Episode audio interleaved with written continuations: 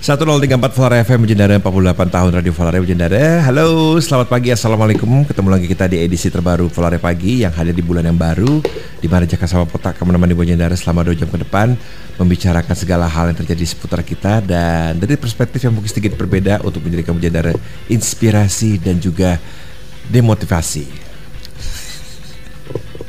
termotivasi lah. Termotiv termotivasi itu kan biarlah motivator-motivator itulah. Ya, wal dengan kalimat-kalimat cringe mereka itu ya. Ya, kita akan awali minggu ini dengan penuh semangat, mudah-mudahan. Bakat itu hanya satu persen, sembilan persen kerja keras. Salah, 40 persen itu orang dalam.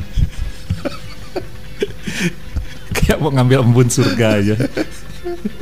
Jadi uh, dengan cara Jaka itu mudah-mudahan uh, apa tidak menambah uh, Iya, jadi kerja apa pun kamu bakal kalah sama orang yang punya koneksi.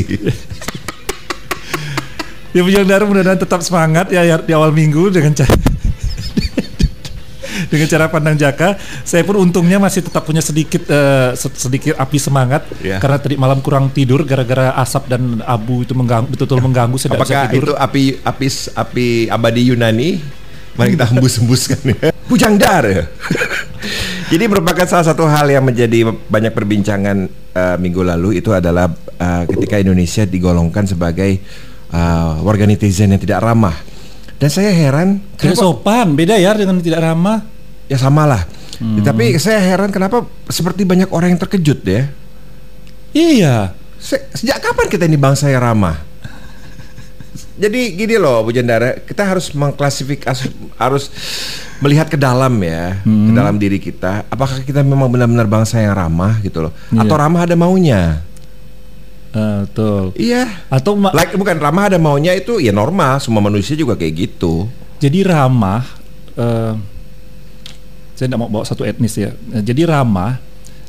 Uh, sering kali dipakai orang itu seperti baju. Jadi itu wajib kalau tidak dipakai itu akan memalukan secara budaya. Jadi bukan berarti memang ketulusan gitu loh. Jadi kayak kayak oh, oh itu suatu apa ya uh, tools atau perlengkapan gitu loh ya. ya untuk mendapatkan ya, hal yang dia inginkan itu. Iya, kan? atau untuk tampil di secara sosial gitu loh. Jadi bukan karena ketulus gitu loh. Hmm. Jadi ndak, mereka tidak merasakan makna asli dari beramah gitu loh. Ya Nah beda lah kalau dengan orang Swedia karena orang Swedia memang ramah itu artinya tidak perlu small talk. Hmm. Kalau anda small talk artinya anda munafik, malah anda tidak dianggap tidak sopan. Ak nah, siapa, itu beda ya pemikirannya. Siapa aktor Austria yang main di Inglourious Bastard itu yang dapat Oscar itu lupa saya namanya. Uh, aktor siapa? Aktor di film Inglourious Bastard yang dapat Oscar itu. Orang Jerman itu. Austria, Austria. Oh, Austria yang bisa bahasa Jerman. Oh. Jadi ditanyakan waktu di acara talk show, late show itu, apa sih bedanya orang Austria dengan orang Jerman? Orang Jerman itu uh, selalu mengatakan apa adanya, hmm. sedangkan kita Austria we are polite and we don't mean it katanya. jadi kurang lebih seperti itulah kan. Hmm. Oh, jadi waktu, waktu itu kan sempat ada salah satu uh, apa uh, media online uh, lokal di Jawa Barat itu ketemu, ketemu dengan uh, mantan uh, uh, juru bicaranya Gus Dur ingat tak dulu Adi M Masardi. Hmm. Nah, jadi di suatu acara langsung mereka nanya kebetulan kan ya biasalah wartawan apa tidak ada hubungan dengan acara langsung kebetulan apa yang lagi lagi mumpung ada mumpung ada tanya gitu kan. Jadi netizen Indonesia itu paling tidak sopan se Asia Tenggara gimana menurut Bapak ya? Langsung dia bilang ya nggak usah nggak usah dibantah, itu memang kenyataannya gitu kok katanya. Jadi jadi, uh, jadi lengkapnya ya secara garis besar Indonesia itu menempati peringkat 29 dari 32 hmm. negara yang dicantumkan di survei. Indonesia hanya unggul dari Meksiko, Rusia dan Afrika Selatan. Oh, dua negara yang dengan kental dengan nuansa mafia yeah. dan Afrika Selatan ya. Kalau Rusia ingat bagaimana mereka uh, apa tidak ditindak oleh pemerintahnya ketika ada sekelompok orang yang apa mengajak orang ramai-ramai untuk membunuh uh, kelompok LGBT ya. Jadi membunuh manusia lain manusia lain karena berbeda kelompok atau berbeda apa tampilan dan itu dianggap dianggap that, that, that is we are. That ah, is we are, gitu lah gitu. Jadi jadi yang dimaksud tidak sopan ini bukan cuma omongan kata-katanya, pemilihan kata ya, tapi memang isinya gitu loh hmm. yang dilihat. Jadi survei ini menempatkan uh, warganet di kelompok dewasa sebagai yang paling buruk perilakunya. Justru sementara kelompok remaja tampak lebih terdidik soal etika di internet. Jadi remaja yang, yang terdidik kelompok mana? Yang terdidik? kelompok remaja. Oh, oke. Remaja tak memberi kontribusi positif ataupun negatif terhadap skor kesopanan warganet Indonesia. Gitu. Jadi kesok kemerosotan kita yang bertambah 16 poin itu sepenuhnya didorong oleh warganet sudah tergolong dewasa. Mm-mm. Gitu. Jadi studi tahunan kesopanan di- digital ini penting untuk meningkatkan kesadaran dan mendorong interaksi positif secara daring gitu. Dan di tahun berapakah Bu Jendar menyadari bahwa sebenarnya orang Indonesia itu tidak ramah? Iya, tidak sopan ya, tidak sopan dan tidak dan tidak ramah. Sep- tidak seperti di buku-buku pelajaran yang kita eh, baca ya. Zamannya kita di zaman apa itu? Ah, zamannya cing cing cing. Orde Baru. ya, jadi eh, beberapa pengamat itu mengatakan memang ada beberapa faktor sih. Ya, ya, ya, ya itu dulu faktor yang menyebabkan kita dianggap tidak ramah. Paling tinggi itu adalah hoax. Ya, Hmm. hobi banget kita nyebarin hoax. Ya, sedang kedua dan faktor kedua adalah kebencian. Ya, dan faktor ketiga adalah diskriminasi. Ya, itu baik baik, baik itu etnis maupun eh, agama gitu ya. Pokoknya sara ya. Ya.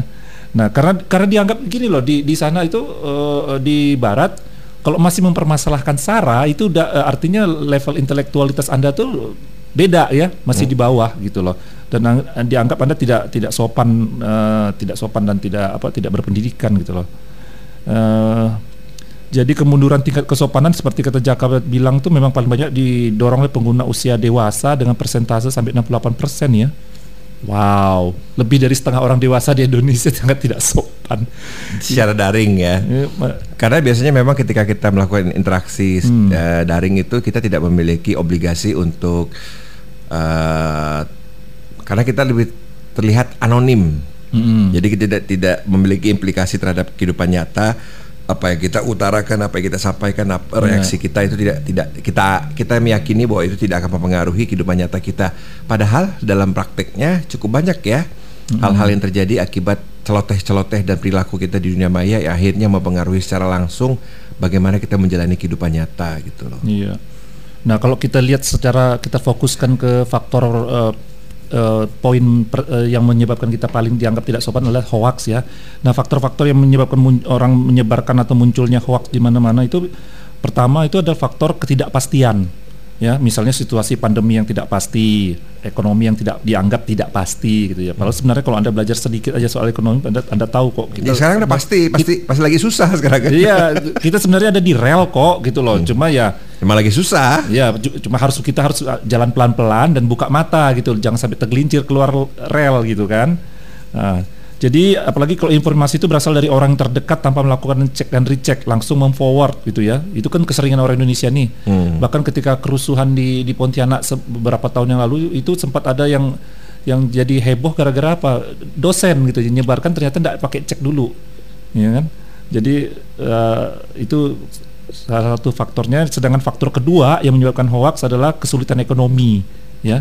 Selama pandemi, uh, jadi naik sehingga menyebabkan naiknya kasus penipuan, ya. Kalau kesulitan ekonomi, jangankan kasus penipuan, ya. eh, apa tanaman tetangga saya aja hilang gitu karena karena, karena kesulitan ekonomi gitu ya. Saat ini saat panggung-panggungnya hilang gitu. Jadi banyak yang menggunakan alasan kesusahan, sementara di sisi lain orang Indonesia terkenal dermawan ya. Nah, jadi eh, agak Dermawan aneh. karena ada maunya. iya. heeh. jadi ba- jadi banyak orang segera mewujudkan keinginan memberikan pertolongan pada orang yang membutuhkan bantuan tanpa menyadari ada kemungkinan penipuan. Tadi malam saya makan soto, kita hanya du- duduk sekitar eh, 40 menit ya makan soto yang di, di Jalan Sumatera ini dan udah ah, ah, apa ah, dua penjual mak- ah, penjual makanan tidak ada pengamen dan tiga kotak sumbangan datang menghampiri ya. Nah, jadi memang orang Indonesia eh, memang apa minta eh, minta minta minta sumbangan, tak sumbangan gitu ya. Apakah ini memang karena menganggap kita masih dermawan gitu dan ataupun memanfaatkan kesempatan ini? Dan sedangkan faktor ketiga banyaknya hoax adalah eh, frustrasi, ya. Ujaran kebencian di media sosial bisa jadi merupakan respon rasa frustrasi yang dialami selama masa pandemik, ya. Selain bentuk bentuk luapan, ungkapan emosional, ya. Do- ini dapat muncul juga untuk melampiaskan rasa frustrasi kepada siapa saja yang yang mau mendengarkan atau membacanya.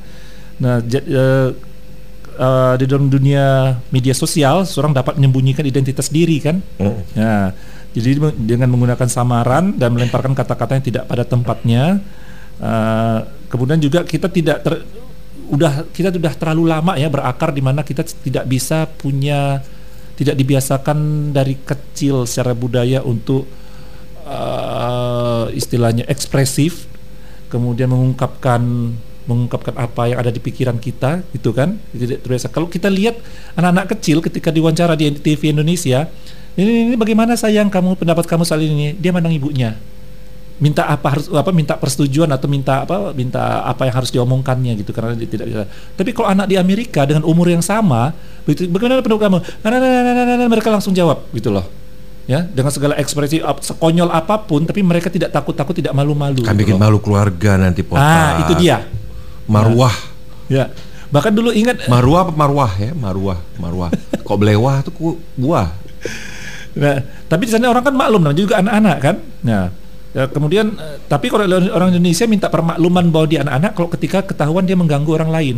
Maklum namanya juga anak-anak. Oh, enggak, ya. enggak, orang tuanya disalahkan lah. Gimana sih enggak bisa didik anak? Dibiarin ngomong kayak gitu. Enggak, enggak sekolah ke orang tuanya. Wah, ingat tuh kata-kata seperti itu ya tanpa sadar itu merupakan sebuah bentuk apa istilahnya ya memang budaya juga gitu loh. Jadi ingat uh, uh, siapa Bill Cosby ya si si predator itu ya. Hmm. Jadi kasihannya sekarang dikenal sebagai predator. Hmm. Jadi dia kan dulu pernah punya acara di mana dia mewawancarai anak-anak kan secara secara komedi gitu loh. Dan anak-anak itu mengungkapkan apa pun semuanya gitu dari dari apa ibunya suka mukul dia kalau dia makan es krim lewat dari jam 6 malam gitu kan. Macam-macam Nah, itu kalau di Indonesia kan tidak bisa, tidak ada orang yang mau menyerahkan anaknya diwawancarai live gitu loh. Saya mau. Berapa wani piro? Jadi berjadara menurut sosiolog dari Universitas Islam Negeri Syarif Hidayatullah ya Tantan Hermansyah menjelaskan bahwa akar karakteristik sosial masyarakat Indonesia yang dikenal ramah itu sebenarnya didasari oleh motif kompromi. Hmm. Ya, seperti yang kita sudah singgung tadi ya. Indonesia dikenal sebagai negara dengan budaya yang amat kaya, belum lagi subbudayanya, dan seluruh budaya dan subbudaya itu mendorong tumbuhnya sifat tenggang rasa dan saling menghargai yang tinggi. Nah, kenapa? Karena budaya dan subbudaya itu harus saling menopang agar eksistensinya terjaga secara alami. Kalau tidak, akhirnya budaya itu hilang. Dan hmm. kita sangat diajarkan bagaimana bersopan santun secara sosial live, langsung hadap-hadapan gitu loh, face to face tapi kita tidak pernah diajarkan ketika kita diserbu oleh uh, teknologi digital ini dan ada sosial media ketika pergantian uh, pergantian milenial milenium uh, kita tidak diajarkan bagaimana bersopan santun kan tidak ada dalam budaya kita diajarkan bersopan santun di dunia digital gitu loh di sopan santun atau etika etika gitu, ya, gitu ya di, di sosial media gitu kita belum ada belum budaya kita belum mengakar gitu loh mudah-mudahan lah dengan istilahnya ya kayak, kayak tamparan halus buset tapi, tamparan tapi halus kayaknya ini. ini justru malah menunjukkan bahwa memang kita bangsa yang barbar. Jadi zaman berkembang, Bu Jendara, kondisi sosial budaya, politik serta ekonomi mendorong pergeseran struktur bermasyarakat. Jadi karakter Indonesia ramah terus bertahan memang. Namun motif komprominya telah berubah. Bukan lagi bagaimana saling menjaga, tapi justru bergeser ke arah yang lebih pragmatis. Itu. Masih ingat hmm. dengan cerita saya yang ketika makan bersama seorang hmm. uh, apa itu? suami sepupu saya tuh hmm? yang dari yang, mana yang ya? dari orang Telkom itu oh iya iya iya karena berpenampilan kayak betul, supir betul betul direndahkan tapi hmm. ternyata ya itu kan bagaimana kita ramah hmm. apabila memang pragmatis dan menguntungkan. Iya iya betul. Tapi karena penampilan tidak mendukung akhirnya disimplifikasi bahwa itu merupakan seseorang yang dari tidak pantas berada di situ lah dan juga ini itu sih saya juga ngeliatnya secara budaya ya terutama di Asia juga bahwa kita, uh, eh, uh, kita harus menunjukkan simbol ketika kita tampil kita, uh, ke tempat umum secara bergaul secara sosial tampilan kita harus menunjukkan simbol-simbol status sosial kita level sosial kita di mana gitu loh. Jadi orang berpakaian bagus. Kan dari zaman dulu itu kan raja-raja pakai ada perhiasan yang sangat khas untuk level sosial tertentu gitu loh. Jadi hmm. orang kan melihatnya secara budaya itu melihatnya dari situ. Ya. dan sepupu anda tampil dengan ala kadarnya ya. Apa adanya. Apa adanya ya, gitu loh. jadi dia praktikal mungkin pikirannya jadi itu. sebagai gambaran Pak Jendari waktu itu nggak dengar kita siaran jadi waktu itu kam saya diajak makan di sebuah restoran yang cukup ya istilahnya kalau mau makan di situ harus pesan tempat reservation ya. Hmm. Jadi sudah ke sana, di situ ada tempat memancingan, saya duduk di situ dan di atas meja itu ada reserve gitu buat siapa. dan tiba-tiba ada ada pelayan yang datang maaf pak ini meja sudah direservasi untuk Bapak Budi misalkan buat Bapak Budi dan suami sepupu saya bilang ya saya Bapak Budi katanya dan pelayan itu langsung masuk dengan muka yang kayak kepiting rebus gitu ya dan kita akui lah kita juga selalu kok seperti Hmm. itu Dan kita gini loh ya buk- bukti bahwa kita itu eh, tidak ramah dan kurang berjiwa besar. Sekarang kan ini eh, apa eh, akun Microsoft itu malah diserbu oleh netizen Indonesia ya. Barbar, kan? Eh, Marah-marah gitu. Kok marah gitu loh? Itu kan hasil survei dan gitu dan loh. dan yang menjadi apa inisiator apa kampanye apa inisiator survei itu ketawa-ketawa si si Hmm. betul kan Betul. Jadi itu kan ini istilahnya kita jadi ingat pepatah lama ketika uh, saya, uh, saya masih di zaman Orde Baru saya masih disuruh di pelajaran bahasa Indonesia masih disuruh belajar tentang pepatah ya. Patah petiti Pepatahnya bilang katanya buruk rupa cermin dibelah gitu loh. Hmm. Nah inilah dia seperti ini ya. ketika dihadapkan cermin ketika oh saya jelek ciat langsung keluar jurus. saya membayangkan pada saat pepatah itu keluar mungkin memang ada beberapa cermin jadi korban kali ya Nggak, saya kesel ngeliat standar ganda oleh para insan infotainment kita cie. yang salah itu sebenarnya Bu Jendara adalah kenapa masih nonton infotainment? Itu sebenarnya yang harus dipertanyakan. Nah itu kan mencerminkan ini loh masyarakat kita. Kita masih standar ganda berdasarkan seksis gitu loh, berdasarkan kelamin. Jadi saya saya mulai menyadari Eh, kalau tapi tapi kok di budaya Melayu banyak laki-laki loh? Yang ditanyain kapan kawin, ker- saya menyadari kalau diwawancara yang diwawancara itu eh, apa eh, s- orang-orang di dunia apa in- eh, entertainment gitu, yang wanita lebih sering lebih sering ditanya soal kapan kau kapan menikah atau kapan kawin dibanding yang laki-laki gitu loh. Kecu- Kalau- kecuali laki-lakinya udah lewat umur 30 gitu loh. Itu baru ditanyain. Tapi kalau yang perempuan itu di awal-awal 20-an aja itu udah ditanyain gitu loh. Hah? karena memang mereka tidak punya bahas dan memang kurang cerdas editornya itu Oke lah. Serius? Let it Ba- be. Bahkan saya sudah hampir menyatakan bahwa itu bodoh. bodoh lah. Mungkin karena mau nanya soal baju takut dibilang gay kali ya. Hmm. Ih, nanya soal baju kok tahu sih? Lepai. Dan nanti kalau Natal yang merayakan Natal tanya apa makna Natal? Itu aja pertanyaannya. Saya dengan adik saya sampai taruhan yuk nanti pasti pertanyaan pertama apa makna Natal bagi bagi kamu. Hmm. Voucher. Dan selalu itu tidak ada dari tahun ke tahun.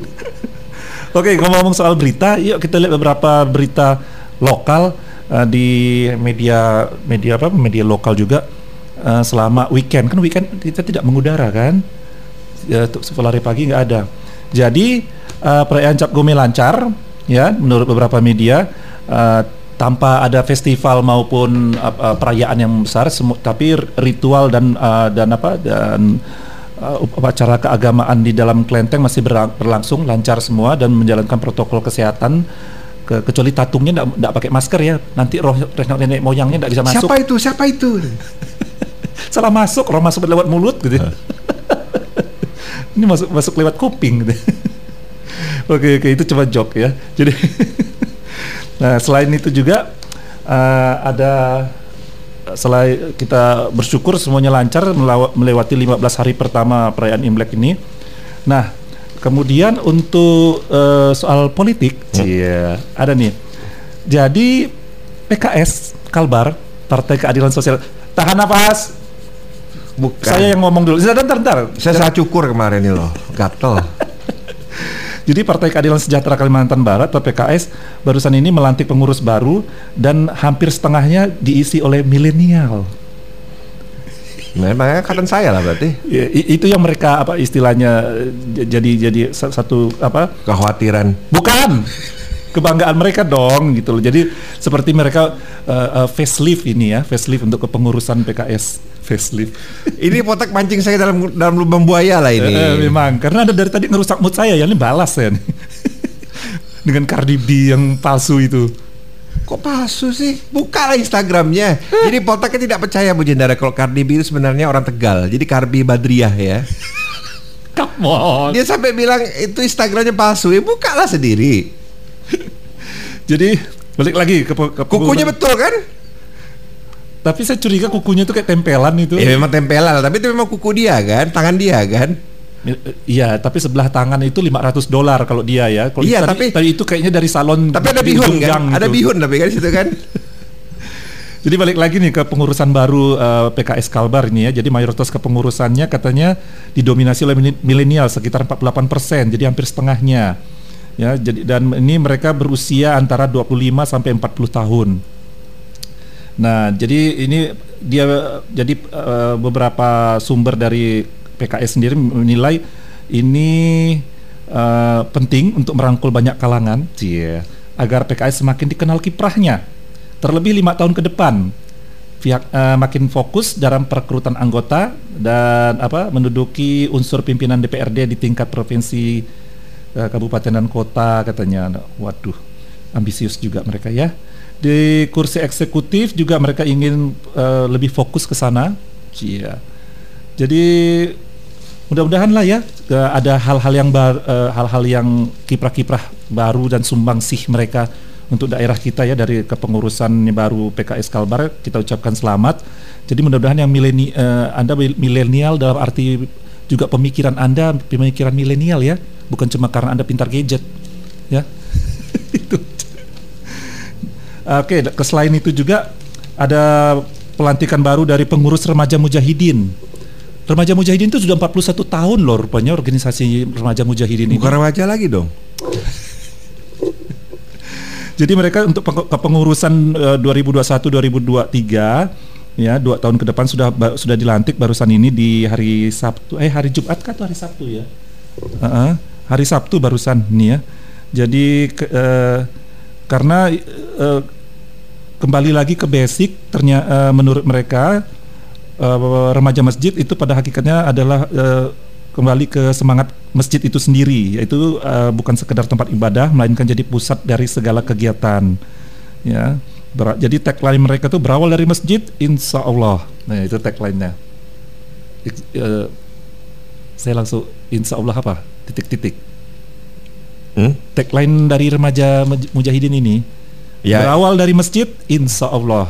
Ya, jadi Insya Allah jangan ingat Titik-titik. waktu dulu pertama kali masjid Mujahidin Masjid Mujahidin diperluas ya tempat halamannya.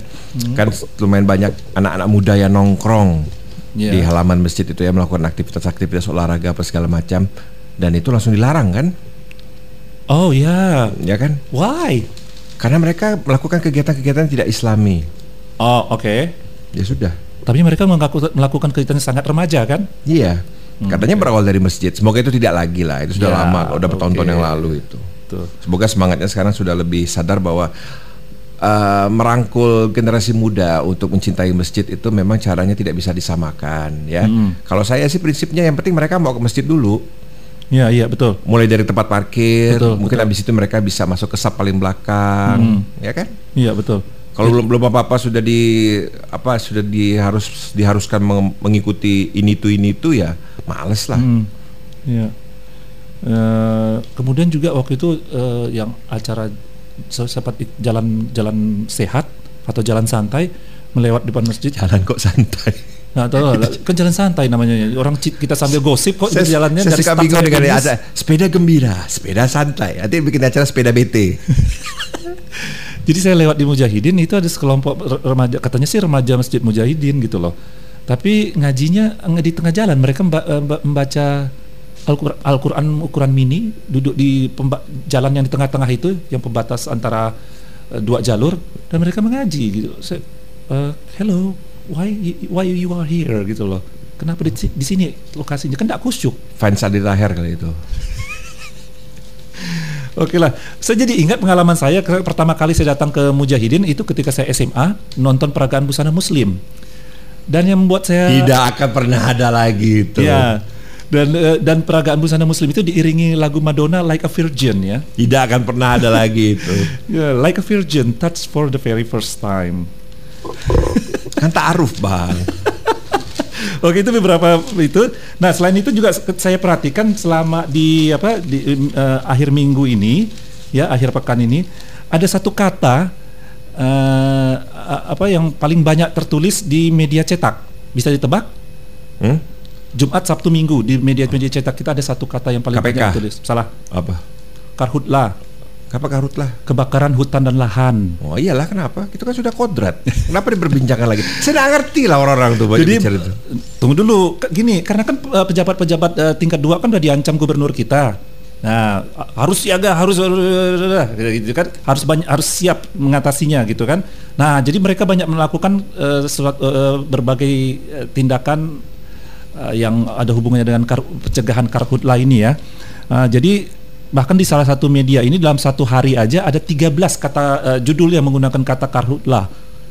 Eh, 14 ma- eh, materi eh, apa eh, artikel Hmm? eh, 13 di eh, eh, ya 15 satu tentang artikel yang bagus sekali di mana ada para relawan itu membuat dapur umum untuk para eh, untuk para pemadam kebakaran hutan ini dari kelompok anak-anak pecinta sepeda itu ya Eh, eh, kita kasih eh, salam dulu deh untuk ini ya.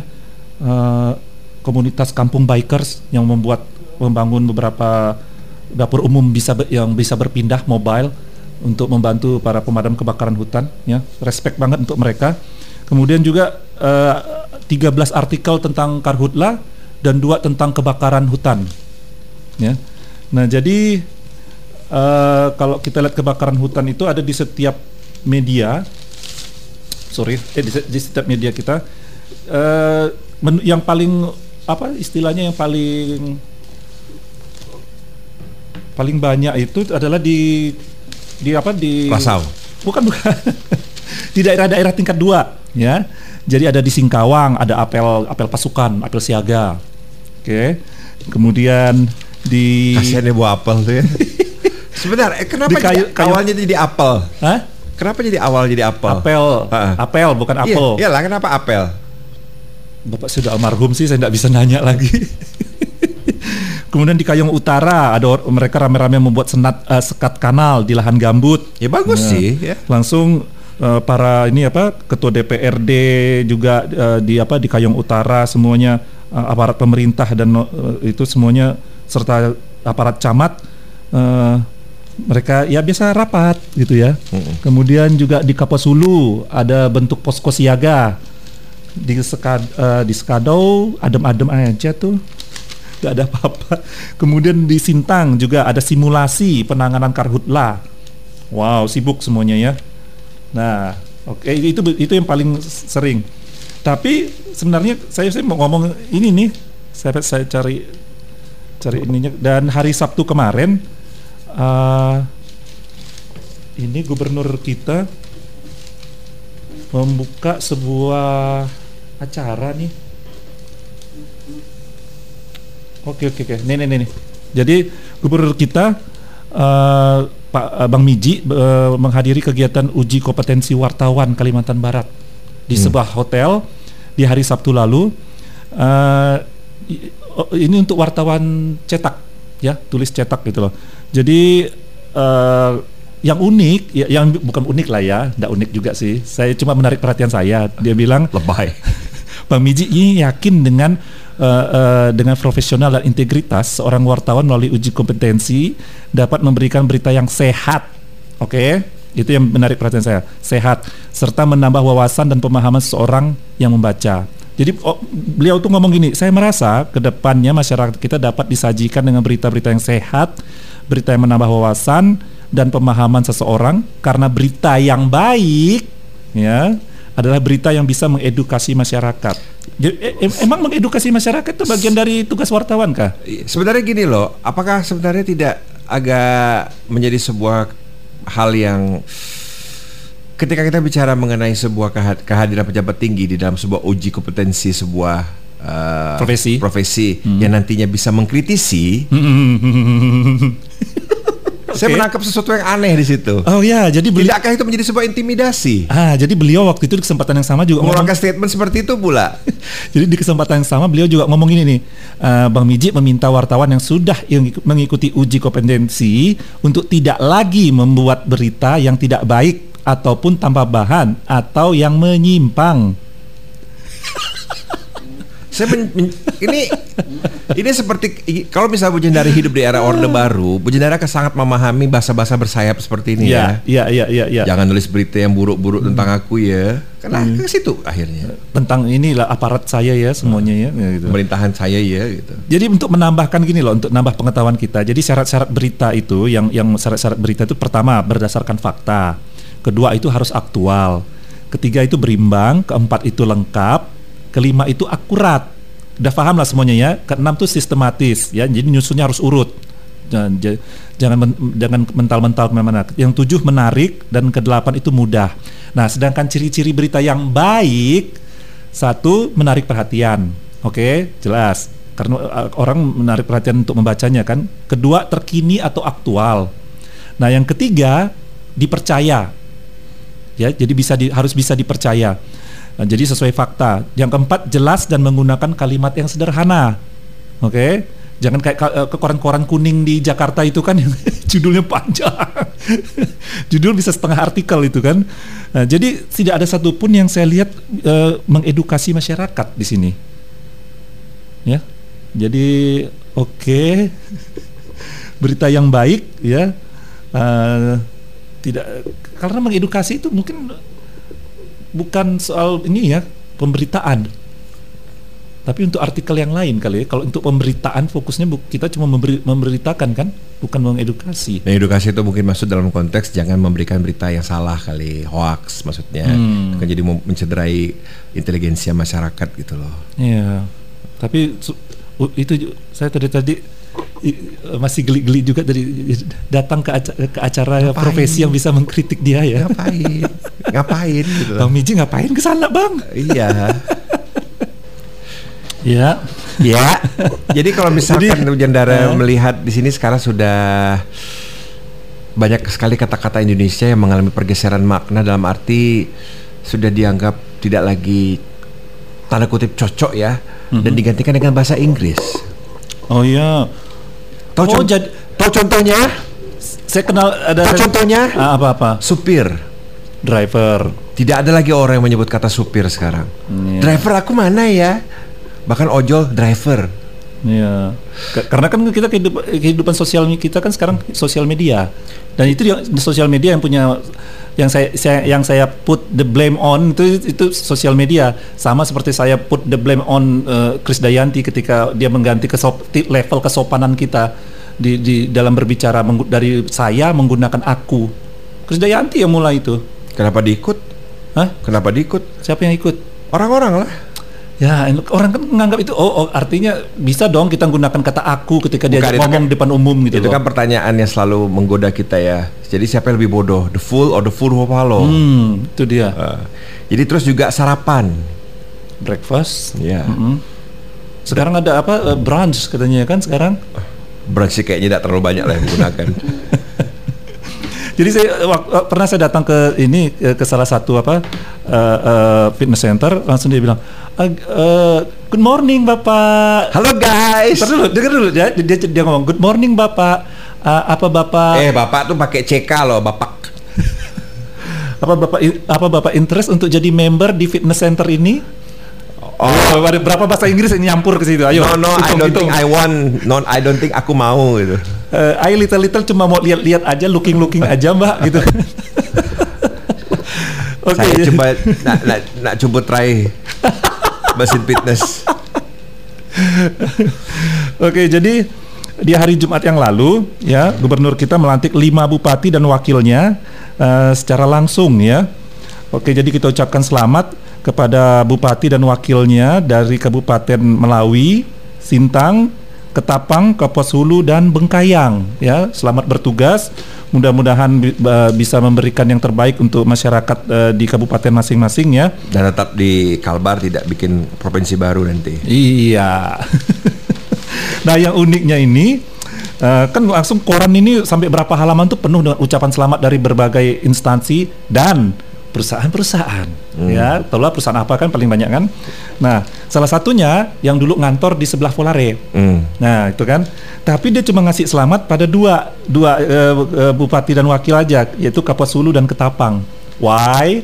Mungkin karena di situ lah banyak dia berkepentingan ya. Biasanya itu berbagi kan.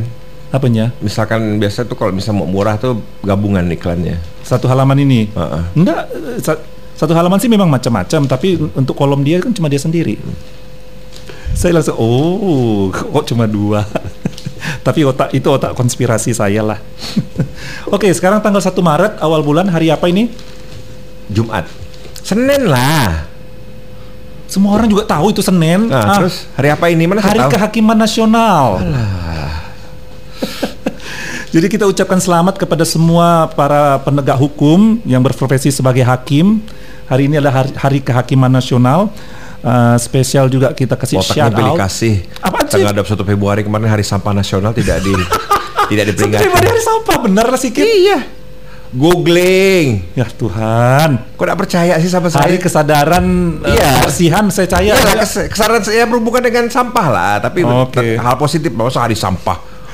Ya, Orang ibu-ibu ngelempar sampah ke kapuas masih banyak oh. Kesadaran sampah lah. Jadi kita kasih sedikit shout out ya. Berarti kalau begitu dengan ini potak tidak boleh pilih-pilih ya. Semua hari harus ya. harus konsisten dong. Nah, Berarti pilih-pilih kasih. Semua profesi habis ini harus. kenapa saya pilih kasih? Anda nanti akan tahu jawabannya. Makanya saya menghindari memperingati hari-hari ini karena nanti semuanya harus. Males tahu. Nanti Anda akan tahu kenapa alasan saya milih hari ini ya. Jadi ke- eh, kita kasih juga eh, apa selamat kepada para hakim, terutama hakim-hakim di Kalimantan Barat. eh, Special shout out untuk untuk Pak Amiriat, Ketua Pengadilan Tinggi Pontianak. Selamat ya Pak ya. Eh, mudah-mudahan bisa bersama-sama dengan teman-teman hakim lainnya bisa menegakkan keadilan. eh, Menegakkan hukum. menegakkan hukum dan keadilan. Hukum, hukum itu tertulis Pak, keadilan itu rasa. Ya makanya menegakkan Ya, hukum kan. Bukan, Tunjuk saya udah keluar nih, Tidak- tunjuk saya udah keluar nih. tidak Nah. bisa manusia menegakkan keadilan itu. Keadilan itu berbeda bagi setiap orang. Hukum bisa. Hmm. Tidak bisa ngelawan deh. Tidak bisa ngelawan deh.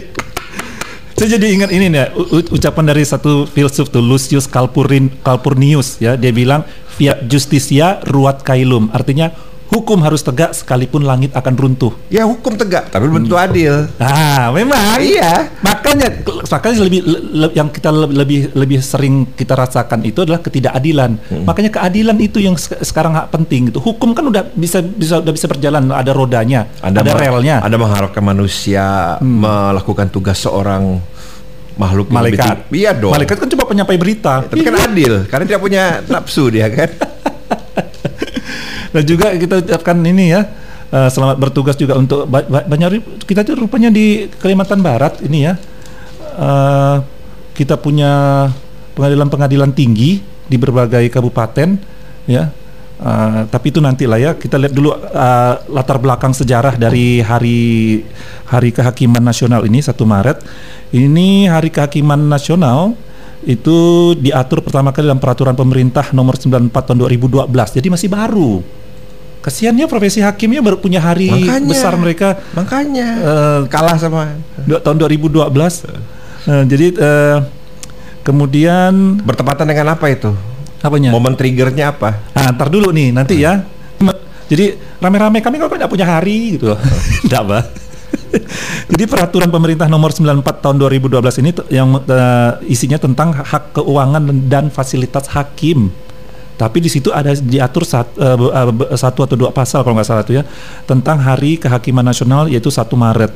Nah, jadi eh, kalau dilihat sejarahnya ya Eh, adapun hari lahirnya Hari Kehakiman Nasional tidak lepas dari perjuangan Ketua Pengadilan Negeri Malang Subijono dan Hakim Sutaji SH pada 1951. Ke- Saat itu keduanya itu mulai menentang perlakuan eksekutif ya yang memposisikan hakim sebagai warga kelas 2. Hmm. Jadi diatur gitu loh oleh pa- para eksekutif. Seharusnya kan lebih independen lah ya hakim itu kan. Nah, jadi gagasan Subijono ini dijadikan dasar dibentuknya Ikatan Hakim Indonesia atau IKAHI. Ya. Ini salah satu paguyuban yang paling saya suka ya, IKAHI daripada apa tuh? Adudu. Itu musuh Bobo Boy. Nah, IKAHI ini berjuang untuk mengangkat hak dan kesejahteraan hakim, hak dan kesejahteraan hakim. Jadi memang banyak penegak hukum dan pelayan hukum itu memang dulu ya di zaman Orde Baru itu memang tidak layak ya. Padahal mereka itu sebabnya sering kali mereka jadi mu- muda, apa, tergoda untuk apa untuk eh, istilahnya korupsi gitu ya, ataupun berlaku tidak adil. Mena- tidak se- selayaknya hukum gitu gara-gara mereka tidak hidupnya juga tidak layak. Jadi eh, hak, eh, mere- jadi uh, IKHI ini berjuang untuk mengangkat hak dan kesejahteraan hakim mulai dari hak menerima gaji layak sampai protokoler yang selat, uh, setara dengan pejabat negara lainnya. Nah, salah satu perjuangan dilakukan IKHI adalah mengajukan 1 Maret sebagai Hari Kehakiman Nasional. Nah, pemberian apresiasi ini disebabkan karena profesi hakim adalah pekerjaan berat, ya. Jadi kalau menurut uh, komisi yudisial.go.id, profesi hakim adalah jalan sunyi It's hmm. uh, apa silent road gitu ya. Uh, silent way atau silent road. Nah, jalan sunyi dan sepi ini meliputi upaya membatasi diri dalam hubungan masyarakat termasuk pemakaian media sosial. Seharusnya seperti itu ya.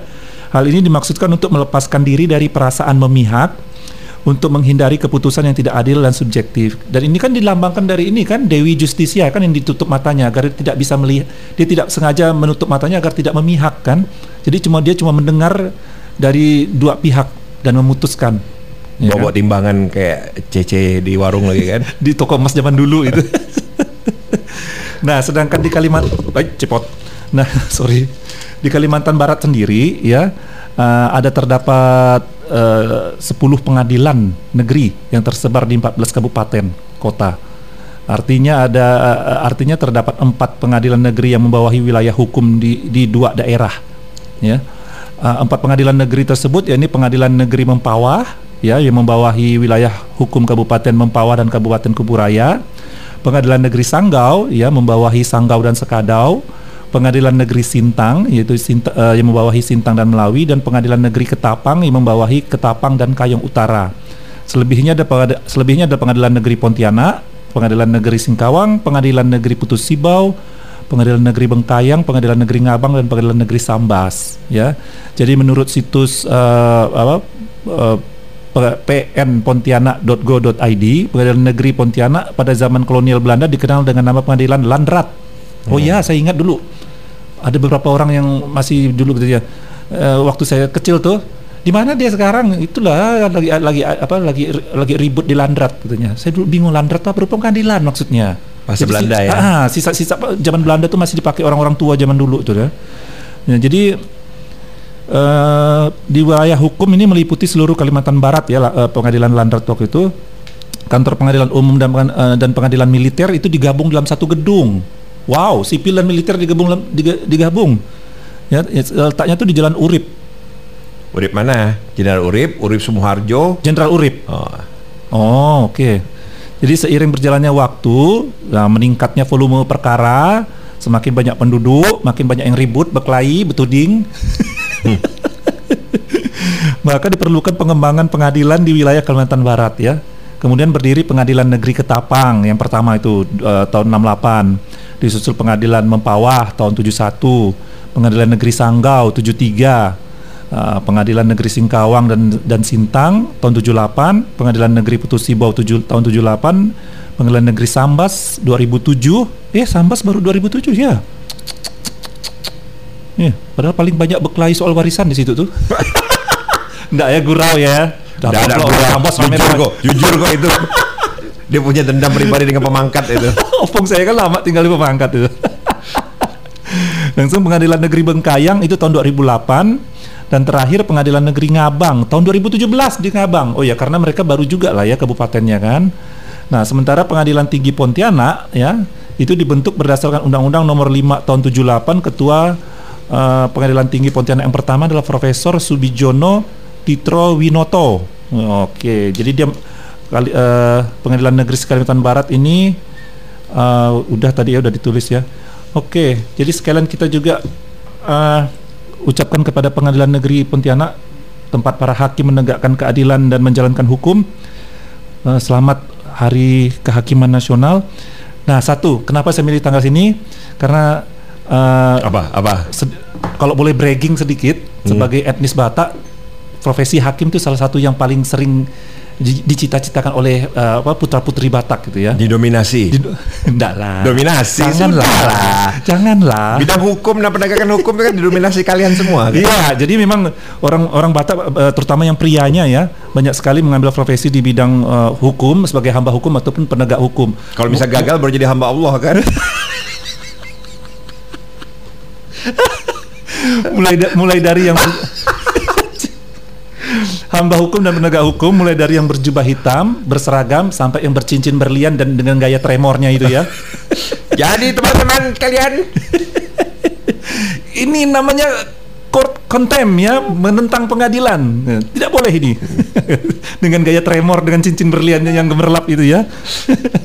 Jadi saya juga sebagai orang Batak kalau boleh menggunakan platform ini uh, uh, memberikan salam juga untuk Ketua Pengadilan Negeri Pontianak ya, Pak Francis Sinaga. Selamat bertugas Bapak. Kemudian Ketua Pengadilan Negeri Sanggau. motifnya Sarah ini ya. Shut up. Ketua Pengadilan Negeri Sanggau Pak Cipto Nababan. Kemudian juga eh, Ketua Pengadilan Negeri Ketapang Pak Samuel Ginting. Iya itu semua ya. Ti- dari dari apa dari 10 ketua pengadilan itu tiga di antaranya Batak. Oh tiga Ya, aja. ya tiga aja, tidak usah banyak-banyak. Emang ini perkebunan. Jadi selamat bertugas ya untuk eh, untuk Pak Sinaga, Pak Nababan dengan Pak Ginting. Selamat Hari Kehakiman. Jadi motifnya itu Sarah. Iya makanya saya pilih tanggal satu ini. Berarti nanti hari polisi ya, boleh ya. Boleh lah. Sepupu saya kan polisi. Kalau enggak habis saya lanjut disemprot dia. Jadi itulah saudara ya, dinamika kehidupan.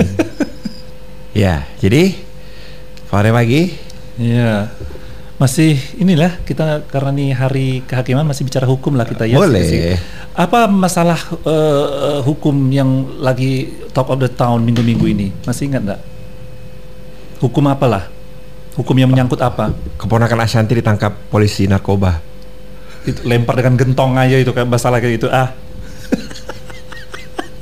Kan nanya. Masalah hukum tanah. Oh, Nah, ingat, jadi mafia tanah kan naik, jadi jadi pembicaraan di media. Nah, kemudian juga soal sertifikasi digital itu kan, di- eh digitalisasi sertifikat tanah juga kan. Benci saya dengan itu, Pak. Rusak mood aja dari tadi pagi Bapak ini. saya datang semangatnya, semangat ini ya, semangat membara gitu ya. makanya dia motivasi kan. Jadi kalau Bujandara mau Dari obor perjuangan jadi candle in the wind semangat saya langsung. kalau Bujandara butuh butuh jasa untuk mendemo- mendemotivasi seseorang, saya saya siap ya. Tinggal hubungi akun Twitter saya di Ototank. Saya menerima bayaran dalam bentuk voucher PS Plus atau juga dalam bentuk uang tunai. voucher PS Plus. Oke. Jadi masih soal hukum Mis- ah, apa, Pak? misalkan kan, Ya, ya. misalkan Bujandara punya anak atau punya siapalah yang kayaknya semangat benar mau kawin kan, Hmm. mau dimatikan mau semangatnya bisa. Suruh pergi makan malam dengan saya tiga malam lah, batal itu. Kayaknya saya pikir-pikir dulu lah Pak ya, kayaknya memang belum dah kayaknya. Belum waktunya deh. Oke apa? Apa? Jadi ya, jadi ka- kita masih ngomongin soal apa eh, hukum pertanahan nih. Tapi ini yang skala wow gitu loh, bikin saya wow gitu. Karena eh, bukan soal mafia tanah sih, gitu udah udah udah mafia tanah udah bisa cari sendiri masing-masing lah ya ceritanya. Jadi terbertik be- berita ada, ada seorang bernama Hendra Apa, eh, Hendra A. Selaku ahli waris keturunan keluarga Palenkahu yang mengklaim seluruh tanah di Sulawesi Utara milik keturunannya.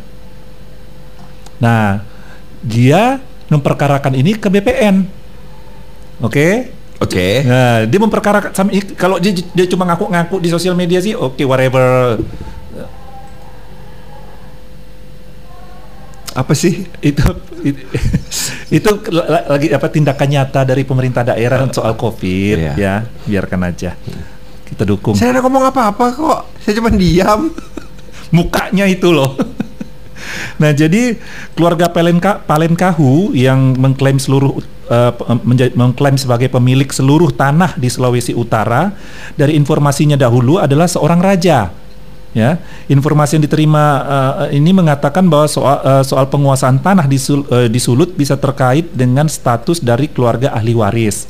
Nah, informasi informasi ini juga mempertegas jika tanah Sulawesi Utara sebelum menjadi Indonesia terdiri dari daerah-daerah dengan rajanya masing-masing. Biasa itu kan? Nah, di di Sumatera Utara juga gitu ada raja-rajanya nih. Di mana setiap raja memiliki wilayah kekuasaannya masing-masing.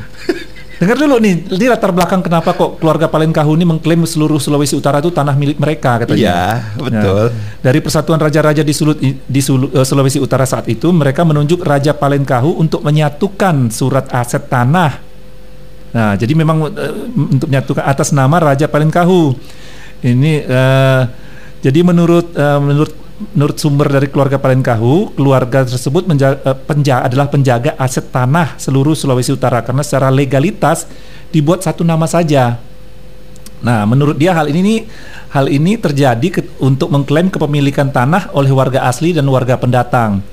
Nah, untungnya beberapa budayawan dan sejarawan turun tangan nih, ya kan? Nah, jadi uh, sejarawan serta budayawan Sulawesi Utara Ivan RB Kaunang keba, uh, keba, waktu itu diwawancara oleh uh, News Nusantara ID membantah jika Palenkahu adalah salah satu raja. Ya, mungkin dia bisa dikenalkan sama Sunda Empire mungkin.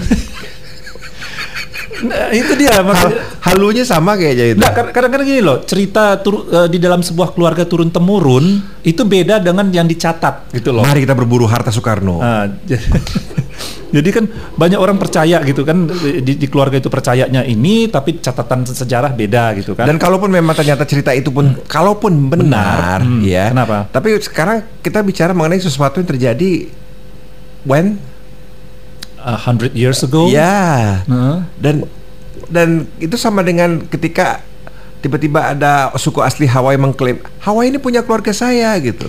Iya, iya. Too bad. Hmm. Jadi gini dulu penjelasan secara sejarahnya ya. Jadi menurut menurut apa eh, menurut uh, sejarawan dan budayawan uh, Ivan Kaunang dia bilang belum pernah ada catatan nama Raja Palenkahu di Sulawesi Utara apalagi menguasai seluruh tanah dia uh, kebetulan Pak Pak Kaunang ini kan ketua jurusan sejarah Fakultas Sastra Universitas Indonesia Samratulangi Manado ya. Nah, sementara itu uh, Bode Talumewo yang juga sejarawan Sulut uh, juga mengatakan per pernah ada pimpinan wilayah bernama Palenkahu. Kalau Walak atau pimpinan wilayah ya, pimpinan wilayah itu disebut Walak, uh, pimpinan wilayah distrik ini pernah ada yang bernama Palenkahu yang berkuasa pada masa kolonial sekitar tahun 1850-an. Nah, Palenkahu yang dia maksud adalah kepala suku atau walak yang memang pada masa jabatannya agak lama namun bukan raja. Jadi setahu saya kerajaan e, di Sulut hanya ada dua yaitu di wilayah Bolaang Mongondo dan wilayah Nusa du Utara. Nusa Utara. Ini tegas sejarawan Pak Pak Bode ini ya sejarawan ini Nah dia mengatakan kerajaan di Bolaang Mongondo sejauh ini terdapat empat kerajaan dan di wilayah Nusa Dua ada empat kerajaan kecil. Nah e, Nusa jadi terberitakan sebelumnya Hendra Hendra A Palenkahu selaku ahli waris keturunan keluarga Palenkahu mengklaim seluruh tanah di Sulawesi Utara milik keturunannya. Salah satu poin dalam surat ke BPN ya kan mereka memperkarakan ini ke BPN kan adalah mewarning ya pihak BPN menerbitkan sertifikat tanah di seluruh wilayah Sulut atau Sulawesi Utara. Dasar penegasannya adalah keputusan Pengadilan Negeri Manado tanggal 9 Juli 1954. Jadi dia punya punya ini punya apa alasan hukumnya nih. Ada juga penetapan Pengadilan Negeri Manado ya uh, tanggal 25 Juli 2015. Nah, polemik soal kepemilikan tanah dengan luasan yang fantastis ini juga pernah ada sih terjadi di Sulawesi Utara Nah, ini pernah tercatat nama ahli waris Li Bonyat yang statusnya menang malahan di Mahkamah Agung. Dia memiliki beberapa salinan dari pengad, uh, bahkan memiliki beberapa salinan dari Pengadilan Manado uh, sampai kasasi ke Mahkamah Agung. Hmm. Nah, selain itu, jadi apa istilah dalam hukum itu bahwa kita bis, bisa menjadi, menjadikan kasus yang lama presiden. sebagai sebagai alasan gitu presiden. loh. Ah, oke okay, presiden gitu ya. Jadi status tanah di Pulau Lembe uh, Bah, uh, pernah juga ya ada kasus status tanah di Pulau Lembe, Sulawesi Utara mendapat klaim milik Zaverius Datulong yang mendapat warisan dari orang tuanya Ratu Kahu Dumanau. Hmm. Nah, ahli waris mengklaim tanah Pulau Lembe seluruh pulau itu milik pusaka moyang yang pus, pusaka moyang mereka sejak dahulu kala. Jadi uh, beberapa tokoh masyarakat Sulawesi Utara menilai persoalan, persoalan sengketa tanah atau agraria masih akan ada terus ya. Polemiknya bisa jadi karena masih ada warga yang memegang e Eigendom Verponding. Wah, nah, Verdom ah. Eigendom Verponding, surat tanah zaman Belanda. Oh, kirain Verborden. Verborden itu terlarang. Tidak boleh jal satu satu jalur. Satu jalur kan? Oh, oke. Jadi menurut Egondom eh, lupa saya. Ter- Jangan merusak konsentrasi ah. Jadi menurut eh, menurut Agendum Verponding eh, Agendum Verponding adalah produk hukum terkait pembukti, pembuktian kepemilikan tanah yang ada sejak era Hindia Belanda. Nah, status verbonding sangat rentan untuk disengketakan, berbeda dengan legalitas hukum sekarang untuk tanah yang sudah berstatus yang sudah berstatus sertifikat hak milik atau SHM. Nah, dari kasus ini saya tuh melihatnya ada dua. Pentingnya kita ahli sejarah. Kan kita sedikit sekali ahli sejarah, terutama sejarah lokal, ya, untuk budayanya maupun sejarah hukumnya. Sejarah hukum ini yang yang eh, sejarah hukum lokal ini yang yang apa yang yang kita kurang ya. Untuk tiap daerah itu penting. Oke. Ini memang profesi yang tidak menarik sih ya. Eh, ahli ahli sejarah hukum gitu loh untuk lokal gitu kan harusnya dibikin film sih. Maksudnya biar, begini, biar, biar menarik gitu ya ada karakter yang keren, entah itu tampan atau cantik, tapi dia seorang ahli sejarah, bisa memecahkan kasus, pasti naik nanti. Indiana Jones gitu Indiana itu arkeolog. Enggak iyalah jadi dia dia temannya kayak tiap temannya Indiana Jones gitu kan su- Gak perlu teman sih, seri terpisah lah. Indiana Jones kan suka nanya-nanya temannya kan yang Kan, kan istilahnya kan itu. akhirnya kan arkeolog menjadi pekerjaan yang seksi kan habis itu kan. hmm oke. Ya, jadi kalau kita mau menaikkan sebuah apa gengsi pekerjaan itu apabila diangkat menjadi sebuah karakter di dunia fiksi itu bisa menjadi menarik bagi orang. saya kira arkeolog itu jadi pekerjaannya seksi karena ini ibu-ibu arkeolog itu kalau ngorek-ngorek eh, fosil sambil pakai hot pants. Oke, jadi yang Hot pants kedua kan memang panas pak, gimana sih? Masa mau pakai baju tertutup ngaco? Jadi sela- uh, jadi poin kedua yang sali- saya lihat dari uh, dari permasalahan ini adalah selain pentingnya ahli sejarah adalah pentingnya ketegasan status hukum tanah adat turunan. Kita kan suka gitu kan masih masih kadang-kadang uh, apa istilahnya kayak oh, membuat masyarakat tuh bingung gitu loh status uh, uh, status hukum dari tanah adat turunan itu seperti apa gitu loh. Apalagi kalau untuk masyarakat yang suku-suku pedalaman ya, yang mereka buta hukum, jangankan buta hukum, but, but- apa buta aksara malahan mereka kan. Jadi halo. Nah, jadi Menurut Jaka gimana tadi nih yang ada satu orang mengklaim seluruh Sulawesi Utara ini adalah tanah milik mereka dan mereka dia punya merasa punya dasar hukum memer- mem- bahkan memperkarakannya ke ke Departemen Hukum gitu loh. Ya dibiarkan aja lah. Dosa diri, dosa di, dosa di counter dengan terlalu represif lah. Biarin aja lah. Jalani proses hukum. Mungkin memang duitnya banyak. Artinya itu loh. Jadi jadi ketegasan status hukum tanah adat turunan itu memang kita masih masih sering ini ya, masih sering jadi perdebatan ya. Saya termasuk orang yang tidak setuju kalau kemarin sudah Empire itu ditangkap kok. Biarin aja lah orang halu kok. Ngapain ditangkap? Karena akhirnya itu men- menciptakan rasa represif dan ketika dia keluar nanti malah lebih bahaya. Hmm. Malah lebih bahaya loh. Tapi selama dia tidak ditangkap kan nanti eh, istilahnya merisaukan masyarakat. Masyarakat Berisau- kita kalau risau kan suka kan, aneh. kan gimana? Kan kalau dia kan diberi orang waktu dia parade itu orang warga desa nonton kok. itu dianggap sebagai hiburan. Tapi ini tinggal nunggu waktu aja masyarakat ada orang lain yang aja. Yo yo kita serbu mereka. bentar. gitu. Mereka tidak ada bawa unsur agama, jadi aman. Oh oke oke oke oke. Ya, mereka hanya cuma bawa dan Su- Sunda itu suku yang humoris. Saking humorisnya tidak ngeliat waktu ya, Iya. tidak ngeliat tempat. Jadi kalau jadi sebenarnya uh, ketika kita melakukan sebuah penanganan hukum memang terkadang kita harus melihat apa sih hal-hal. Tapi memang udah di, udah dilaporin sih kemarin itu lain cerita sih itu. Hmm. Kalau saya sih eh, lihatnya pentingnya ahli sejarah ya profesi ahli sejarah, Oh, ya, ya, itu sejarah jelas hukum lah. itu, itu. Karena saya suka sejarah sih gitu loh. Makanya yang tadi saya angkat juga ini ada hubungannya dengan hari kehakiman, ada juga dengan yang lagi Ada hubungannya, dihubung-hubungkan. Inilah soal hukum kan. Ada ada juga ini terus soal yang lagi hangat diumumkan kan tentang hukum tanah ya, Nah, Hmm. pertanahan. Ah, untung di Kalimantan Barat ada gitu ya. Ini, tanahan eh, nenek moyang saya dulu raja katanya kan. Tanah Tohan ada. Hah? Tanah Tohan ada. Tanah Tohan. Tentu sudah kebersamaan kita untuk edisi hari ini dan kita bakal menjumpai besok hujan dari di program dan jam yang sama ya. Masih bersama Jaka dan Potak tentunya di Valare Pagi. Ini last word sebelum dijemput. Dijemput siapa? Mobil jeep udah nunggu di depan. Oh astaga. Saya pikir orang bersayap dari langit yang mau jemput saya sudah ketakutan. Hati-hati ada mobil tak teguran yang jemput. Mobil tak teguran. Duduknya ngadap kiri kanan tuh. Enggak apa-apa. mobil satpol pp itu kan. selama orang selama banyak orang Batak di pengadilan ini Pontianak saya tenang. Oke.